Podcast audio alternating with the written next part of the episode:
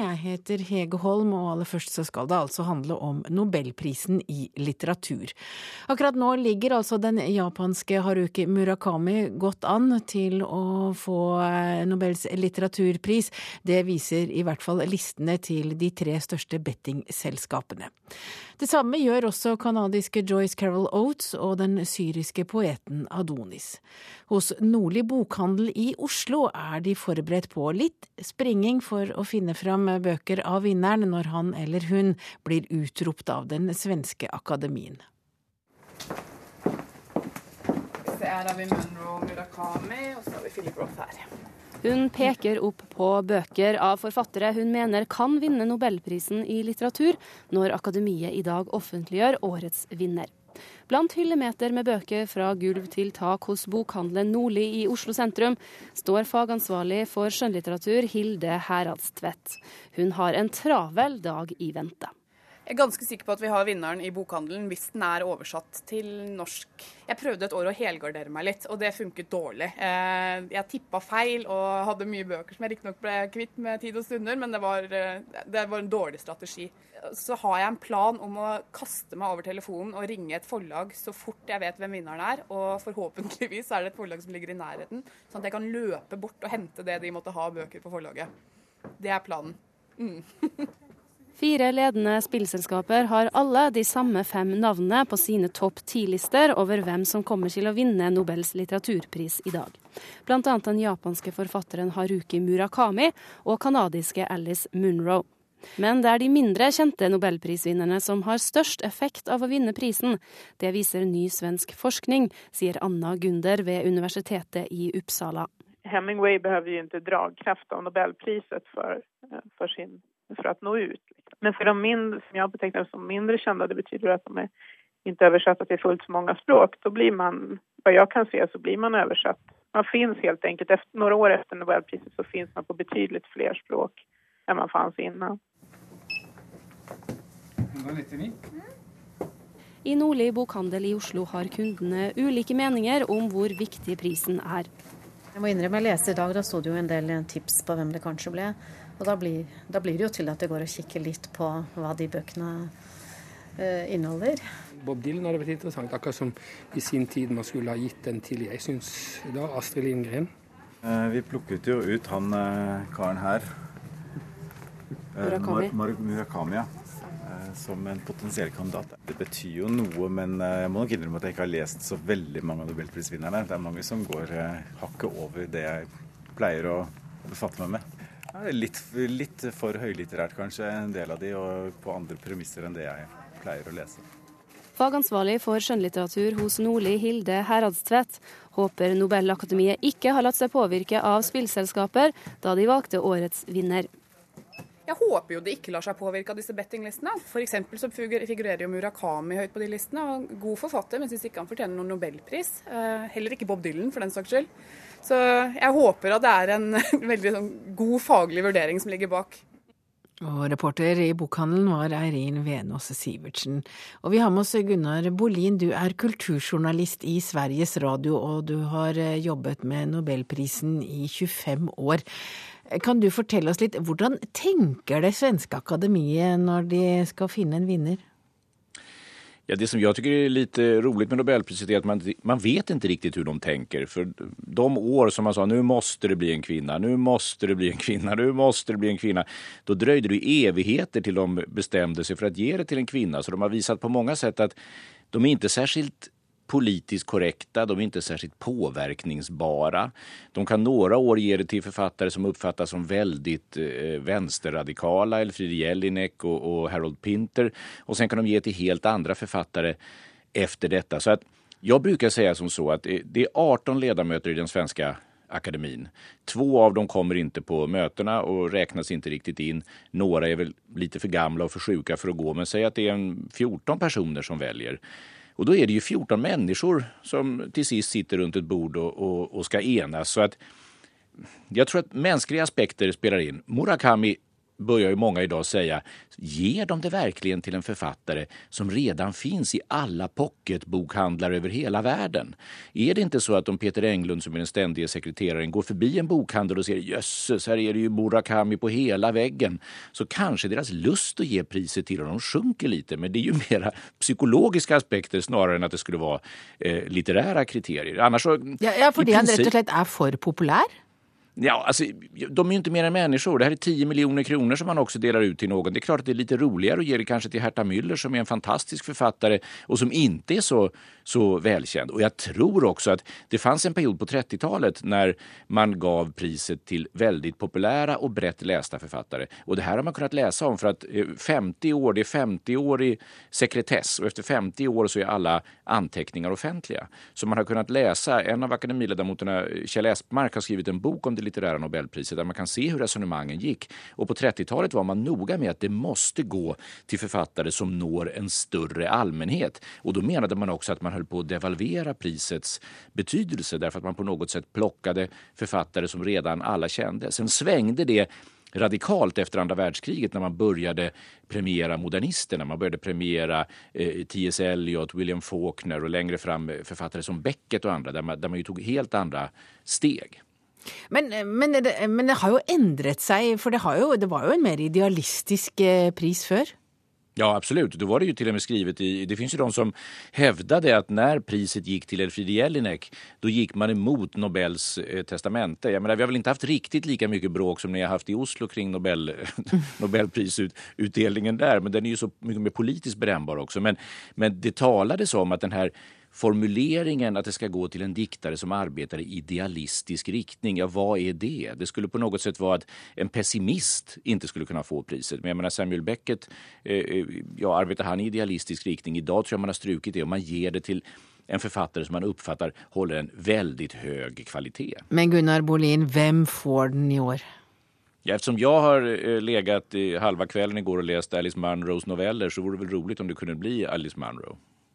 Da får vi se. Du skal eh, være programleder for direktesendingen i Sveriges Radio når prisvinneren blir annonsert klokka 13. Og da får man også vite her i NRK hvem det er som vinner Nobels litteraturpris for 2012. Takk til deg, Gunnar Bolin, kulturjournalist i Sveriges Radio. Media har et ansvar for å stoppe samehets, det mener redaktør og flere forskere. Bildene av den samiske jenta som ble trakassert og forsøkt tent på av en guttegjeng i Trondheim, har sjokkert. Ja, Nå søker jeg på Nystad, eh, som er da etternavnet til, til Eli Anne. Der har vi den. På nettesken i Nordlys så klikker redaktør Anders Oppsal frem overvåkningsfilmen av samejenta som blir tent på. Der fatner de ordentlig, og så børster han det bort. Men så syns jeg akkurat den sekvensen du kommer til her, hvor hun løftes opp, det der, der syns jeg er Ja, det er rett og slett kvalmende. Kan media bidra til noe i forhold til å forhindre en sånn hets mot uh, samer og det samiske? Ja, definitivt. Det å ha en mer kunnskapsbasert tilnærming til de problemstillingene som dukker opp til enhver tid, det har ikke vi vært flinke nok eh, på. Vi var faktisk ganske gode på det da den gangen Finnmarksloven ble, ble implementert. Brukte mye tid og krefter på det. Men når Tromsø f.eks. skulle innlemmes i Eller når debatten om innlemming av, av samisk forvaltningsområde tiltok, så var vi ikke flinke nok til å se det ansvaret. Jeg er ganske sikker på det at sterke aviser, eller NRK for den saks skyld, ved å bruke tid og krefter på å faktisk opplyse folk, eh, bidrar til at debatten får et eh, høyere saklighetsnivå. Her kan vi se at Eh, de som, ut av de her som har rapportert, eh, så sier 8,2% at de er blitt diskriminert det siste året. Mens 14% sier at de er blitt diskriminert eh, før da. Mm. Så det vil jo si at ca. en fjerdedel har opplevd å bli diskriminert da, av de her som har svart. da. Postdoktor Ketil Ennert Hansen henter frem fersk forskning og foreløpige tall fra PC-en. En samisk helse- og levekårsundersøkelse pågår nå i de fem nordligste fylkene. Av de 2000 som har svart på nett, opplever mange ulike typer hets. Noen sier at vi, vi, har blitt diskriminert for at vi er reindriftssamer. Eh, kunne ikke norsk på grunnskolen, snakka samisk. Mange ting som er knytta til eh, samisk identitet på forskjellige måter. da. Hei, jeg heter Anne Berit Balto. Jeg har laga en ordbok, sånn at dere søringer kan skjønne hvordan vi samene bruker språket vårt. Rislapp. Med ulike lapper og samejenta Wenche, så har komiker Trine Lise Olsen tulla med det samiske. Min vri har alltid vært at det er veldig viktig for meg at eh, for det første er hun aldri full. Eh, hun er ikke dum, hun får til absolutt det hun vil. Hun er bare litt annerledes og rar. Men det har vært viktig for meg. Og så bannes hun ikke. Og det er også sånn. For det er sånn stereotyp som jeg ikke nødvendigvis vil ha inni, inni min karakter, da. Hun mener både komikere og media har et ansvar for å nyansere. Og det er kanskje det at vi må kanskje vise litt mer av det samiske som ikke handler om reindriftssamer. Det som ikke handler om slåssing, som ikke handler om samekniver, som ikke handler om, om at du blir hengt etter en bil fordi at reinen din ble borte, eller sånne ting. Du må vise mer det daglige, dagse samiske, liksom. De endelige tallene fra helse- og levekårsundersøkelsen er klar først til neste år. Men forskeren tror at mye kan gjøres for å endre holdninger. Og media har jo en stor rolle der, og sterk pådriver for å formidle eh, samisk kultur og identitet. og prøve å bygge ned de her barrierene om at samene er så mye mer annerledes enn alle andre i det norske samfunnet. Og reporter i Tromsø er Karoline Rugeldal. Da skal vi til habilitetsspørsmål. For Giske, altså Trond Giske, ga styreverv til, i Den norske opera og ballett til sin tidligere svoger da han satt som kulturminister. Nå innrømmer næringsministeren at han burde vurdert sin egen habilitet. Trond Giske innrømmer selv at han burde vurdert sin habilitet da han som kulturminister i 2009 ansatte sin tidligere svoger Stein Erik Moe i styret til Den norske opera og ballett. Han sier til Dagbladet at han ikke vurderte om han kunne være inhabil da han plasserte onkelen til sin datter i en sentral kulturposisjon. Giske sier til avisa at det var Mos erfaring fra næringslivet som gjorde at han valgte ham som statens representant. Det er ikke klart om Giske faktisk var inhabil. Ifølge forvaltningsloven ville han vært det om han fortsatt var svoger til Mo på det tidspunktet han ansatte ham. Men en tidligere svoger ligger tett opp til inhabilitet, og dermed burde Giske trolig ha vurdert sin habilitet. Det sier professor i offentlig rett ved Universitetet i Oslo, Inge Lorang Bakker, til Dagbladet. Og det har ikke lyktes NRK å få kommentar fra Trond Giske i morgentimene. Reporter her var Ida Kvittingen. Men du er her, Ketil Solvik-Olsen, nestleder i Fremskrittspartiet og stortingsrepresentant. Hvordan reagerer du på de nye opplysningene om at Giske ga styreverv i Den norske opera og ballett til sin tidligere svoger? Nei, Det blir jo bare nok ei brikke i det bildet som de selv har skapt, om at de ikke er veldig nøye med hvordan en bruker skattebetalerne sine penger til organisasjoner som de selv liker, eller hvordan de utnevner folk til ulike styre og verv, både i statlige selskap og i andre gode formål.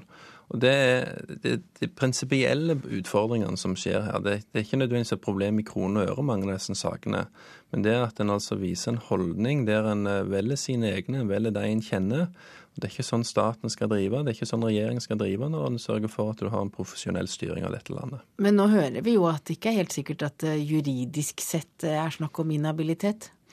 Nei, og det, jo, det, gjenstår jo å få bevist, men allikevel så bør det ligge litt mer eh, motstand i ryggmargsrefleksen til en regjering enn at de hele veien kommer på kant her eh, og har tvilstilfelle. Fordi at Når du snakker om folk som du tidligere har hatt et slektsbånd med, et familiebånd med, så er det jo åpenbart at de fleste vil si at dette, dette, kan tolkes feil. Og en regjering bør sørge for at en har stien sin rein, eh, og at dette ikke blir et tvilstilfelle heller.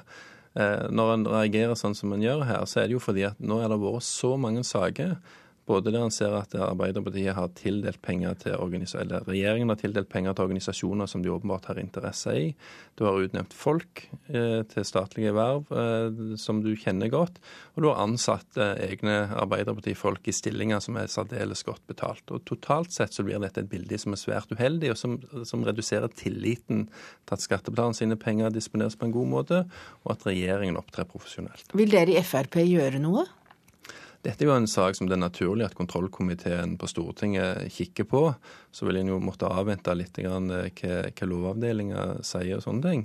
Men, men at det er, altså med, med, den forhistorien som nå er fra Arbeiderpartiet og, og, og gråsonene her, så er det naturlig at kontrollkomiteen har interesse for denne saken. Takk til deg, Ketil Solvik-Olsen, du er altså nestleder i Fremskrittspartiet. Mannen som har portrettert tre presidenter i hver sin spillefilm, og som laget film om Castro, som det offisielle Amerika mislikte, har nå altså laget en voldelig underholdningsfilm om narkobransjen. Vår anmelder Einar Gullvåg Staalesen synes Oliver Stone sin Savages er tam. Denne gangen har Oliver Stone laget film uten politisk potens. It's right here in California, USA. Det finnes et samfunn bak støyen og effektene, men antydninger til spisse formuleringer blir avrundet på vei ut til publikum. Temaet appellerer til tøffe menn, og til kvinner som synes de skal måle krefter med tøffe menn. Salma Hayek er sjef for narkokartellet. Jeg tror hun har det gøy i den rollen, men hun brenner ikke for den. De fleste skuespillerne tar lett på jobben. Benicio del Toro er så typisk typecast at han går i ett med bakgrunnen. Han spiller narkobaronessens fremskutte knytteneve. John Travolta er ikke like selvfølgelig som ond mellommann og profitør. Han er litt spesiell å se på en stund. Blake Lively er god i mange bilder. Hun skal forholde seg til svært skiftende følelser og tilstander. Hun må gjennomgå mer enn gutta. De fleste i de tøffe gutterollene er bare ålreit. Filmen heter altså Savages, villmenn. Den vrir på et klassisk tema fra grensetraktene mellom USA og Mexico. De to mest sentrale mennene i handlingen driver legal narkotikadyrking for den medisinske industrien. Noen produkt selges som de odles i apotekene i USA. Guttene og deres felles jente har grønne fingre og rene tanker men de glir litt utenfor normen på det seksuelle planet. Tenk om Oliver Stone hadde brukt hele filmen på den trekanten, ubesudlet av narkotema. De grønne plantene vokser så godt at kriminelle narkotikakartell i Mexico tilbyr samarbeid med det lille legale firmaet, som dessuten ligger på rett side av grensen. 20 80 is all yours. And after the three years? We'll grow your volume. The profits in three years will be 35 to 40 million. Dere byr oss bæsj istedenfor kaviar. What do you have to say? Me? Mhm. I think basically you want us to eat your shit and call it caviar.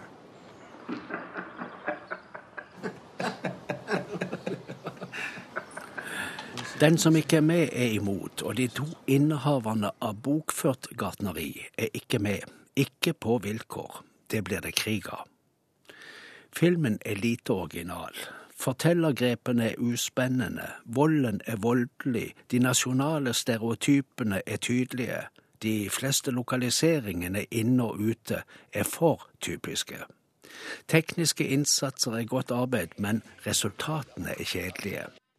Ja, og i Mørkets opplevelser klokka 19 i kveld på denne kanalen så presenterer og kommenterer Einar Gullvåg Staalesen filmer fra andre deler av verden, for akkurat denne helgen er premieretilbudet på norske kinoer kjedelig. Én eller ett design? Hmm. Det statlige patentstyret er nå lei av å bli anklaget for å bruke feil kjønn på ordet design, og nå mobiliseres alle gode krefter for at ordet skal skifte kjønn.